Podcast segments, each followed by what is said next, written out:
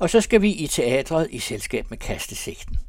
Der er i denne udgave kun et enkelt stykke på plakaten, men det tumler til gengæld også med både eksistensens og universets største spørgsmål. På skuespilhusets store scene står to af det 20. århundredes mest indflydelsesrige videnskabsmænd, hvor de genopfører forskellige versioner af et virkeligt møde, der fandt sted i efteråret 1941, og mellem dem spøger bomberne over Hiroshima og Nagasaki. Hør her, hvilken oplevelse vores teaterkritiker fik ud af det møde.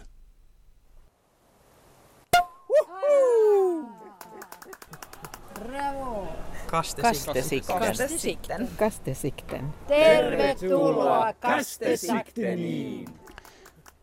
Michael Frains teaterstykke København, som denne udgave af Kastesigten skal handle om, havde premiere i London i 1998 og et år senere på Betty Nansen på Frederiksberg. Og i forbindelse med Danmarks premieren dengang afholdt Niels Bohr Arkivet et symposium, hvor under fysikere og videnskabshistorikere fremlagde og diskuterede begivenhederne under og omkring Werner Heisenbergs besøg hos sin gamle lærermester Niels Bohr i København i september 1941. Det er dette møde, som forestillingen på et niveau handler om. Hvorfor kom Heisenberg? Hvad sagde han til Bohr? Og hvad sagde Bohr til Heisenberg? Set i lyset af verdenskrigen og de to Nobelpristagers forskning, er det nærliggende at tro, at samtalen handlede om fissionsprocesser i uranisotoper, eller på hverdagssprog udviklingen af et atomvåben. Men vi ved det ikke, og får nok aldrig svar på disse spørgsmål.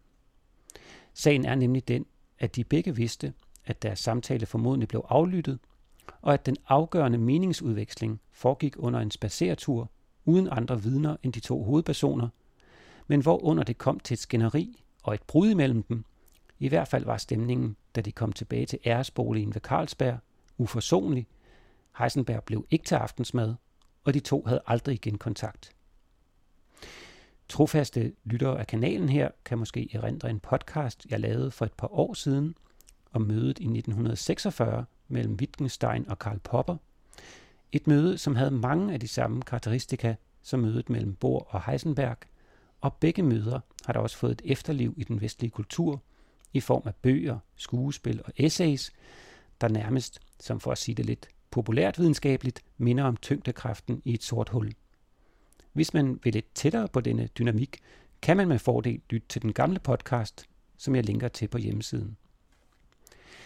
Inden man går ind til stykket i skuespilhuset, eller i pausen i det to og en halv time lange stykke, kan man i foyeren se og lege med tre af de sindrige eksperimentelle forsøg, der hjalp Bohr og Heisenberg på vej i deres forståelse af atomets struktur og kvantemekanikken, eller Københavner-fortolkningen, som deres fælles arbejde også hedder.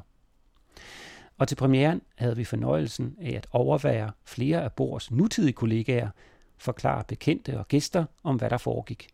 Ja, i det hele taget havde vi lidt studentikos morskab ud af at udpege dem blandt publikum, der måske lige for et par timer havde forladt deres eksperimenter eller udregninger ude på Nørre Allé for en sjælden gang at gå i teateret.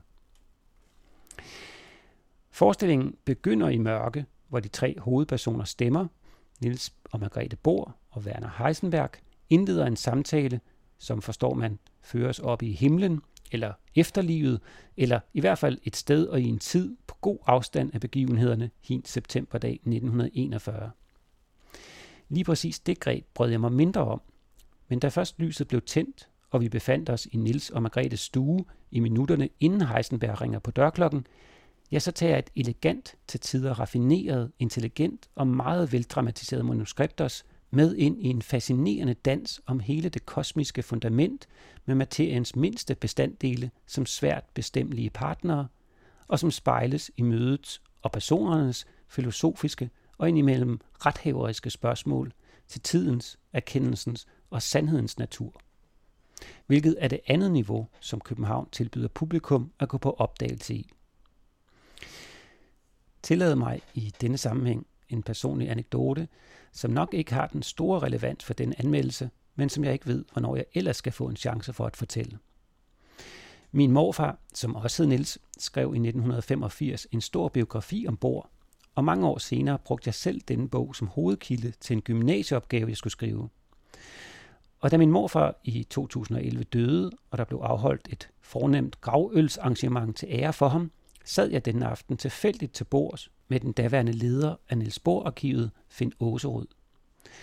Og han havde, sådan husker jeg det i hvert fald, den der behageligt ydmyge og tilbageholdende gammeldags videnskabsmandsfasong, som gjorde det umuligt at lokke ubegrundede spekulationer om Københavnermødet ud af ham. Men som eftermiddagen skred frem, gled vi alligevel umærkeligt ind i en altopslugende diskussion om Bo og hans liv, og da vi på et tidspunkt kigger op for at orientere os i arrangementets gang, var salen tom. Alle gæsterne, hele min familie og alle andre var simpelthen gået hjem. Vi havde fuldstændig glemt tiden og stedet omkring os, og var begge på én gang overraskede og forlegne.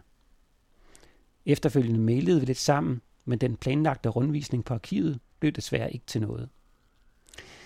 Og den lidt søgte undskyldning for at nævne denne oplevelse, er at understrege, hvordan at forestillingen i skuespilhuset, ud over at være fremragende teater, har den kvalitet, at det åbner for både eksistensens og universets store spørgsmål, og man nemt finder masser af stof her til at undres og snakke natten væk. Og så har Finn Åserud skrevet et lært og velkomponeret bidrag til teaterkataloget, som er værd at investere i, når man går ind og ser stykket. Det tredje lag er selvfølgelig spørgsmålet om individuel moral. Havde de involverede videnskabsmænd et ansvar for opfindelsen og efterfølgende brugen af atombomben? Og her synes jeg, at forestillingen har nogle af sine stærkeste og mest vedkommende øjeblikke.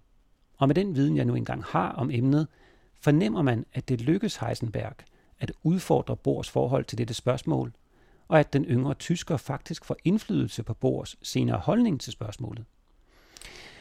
Uanset hvad den enkelte gæst i salen ved om materialet, og jeg tænker, at lidt kendskab til atomfysikken giver pote, men desuagtet og alt efter ens interesse i livets store spørgsmål, fungerer hver af disse lag i forestillingen forbandet godt som teater, og spreder samtidig generøst en mængde gådefuldheder ud over tidsrumskontinuumet, som jeg vil påstå, at alle mennesker i alle aldre kan få en frugtbar samtale om. Stykket er baseret på grundig research af dramatikeren Frayn, og jeg vil i den sammenhæng ønske, at jeg havde et bedre greb om de forskellige teatertraditioner, eller bedre evnede at forklare, hvad jeg mener, når jeg hævder, at stykket er typisk anglosaksisk. Der er et eller andet i grundformen, altså narrativet, dynamikken, dialogen, ja hele persontegningen, der er anderledes end dem, man normalt ser på de danske scener. Måske er det bare, fordi vi så sjældent ser moderne engelsk dramatik herhjemme.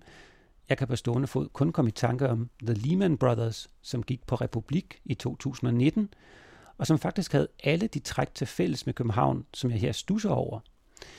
Men jeg får lyst til at sige, at det efterlader undertegnet med et indtryk af større selvtillid hos dramatikeren, eller måske rettere større tillid til, at publikum selv medskaber fortællingen.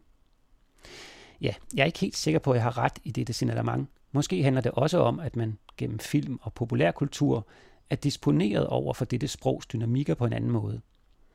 Under alle omstændigheder er der i København et eller andet, der med Per O. Brands ord om et manuskript, der ligger færdigt, noget, der klinger i bunken. En harmoni og enhed i fremstillingen, får jeg lyst til at sige, da det også er titlen på min morfars bog. Jeg synes, vi skal høre et kvantemekanisk digt, der findes bestemt flere, og sikkert også af mere kendte poeter, men da jeg googlede lidt rundt i cyberuniverset, så dukkede dette op på en blog fra Bornholm. Kvantemekanisk Aldrig mødtes vi der, hvor vi satte hinanden stævne. Vi står under hver sit ur, på hver sin hovedbanegård, i hvert vores univers. Som ånder i hinandens verden – en fli af hinandens drømme, der indimellem har præg af virkelighed. Jeg hjemsøger dig, du hjemsøger mig. For hver sin dimension rækker vi ud imod hinanden, kun for at forenes i splittelsen. Aldrig skal vi skilles, aldrig skal vi mødes. Mit både og er dit enten eller paralleluniverser, der støder sammen i malstrømmen imod et sort hul, hvor aldrig og altid forenes til blot evighed. I angst kæmper vi begge imod strømmen. Ja, det var Carsten Farve, der læste digtet Kvantemekanisk af Maja. Jeg har ikke kunne finde efternavnet, men jeg linker til hendes blog på hjemmesiden.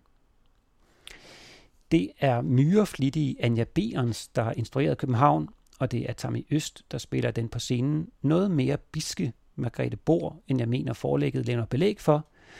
Og det er majestatiske Jens Jørgen Spottak, der spiller den sammensatte Bor, og endelig er det Mikkel Arndt, der spiller den selvsikre og filosofisk spørgende Werner Heisenberg. Scenografien, der enkelt og fint evner at spejle de subatomare elementer, som de to herrer har bygget deres berømmelse op på, er skabt af Steffen Orfing, og alt, måske undtaget den forklarende sekvens stykket indledes med, hvor de tre personligheder sjæle taler sammen op i himlen, lykkes på skuespilhusets store scene. København går ind til 24. november. Til sidst reklame for en teaterfestival, der begynder 1. november ved navn Det Frie Felt, og som har til huse på den frie udstillingsbygning på Østerbro og i husets teater på Handtorvet. Det er en velkommen chance til at se og opleve internationalt og genrebrydende teater. Jeg læser lige kort op fra programintroduktionen som en appetitvækker. Det Frie Felts Festival 2022-23 har som formål at præsentere forskellige scenekunstneriske formater, genrer og udtryksformer, samt skabe synlighed omkring kunstnere og deres værker fra det frie felt og vise det nationale såvel som det internationale potentiale i værkerne. Her præsenteres yngre såvel som erfarne kunstnere med forskellige baggrunde, referencer, fagligheder og med eksperimenterende udtryksformer. De har for eksempel baggrund i koreografi, fysisk teater, scenekunstnerisk tekst, performancekunst, lydkunst og billedkunst. Det frie felt refererer her til produktionsforhold, det vil sige, at værkerne typisk er produceret i et ikke-institutionelt regi. Ja, gå selv ind og se. Det frie felt begynder som sagt 1. november på Husets Teater. Tak for denne gang. Kastesigten er tilrettelagt af Rasmus Blæde Larsen, og det var mig, Carsten Farve, der læste Majas digt kvantemekanisk op. Følg eventuelt links på hjemmesiden.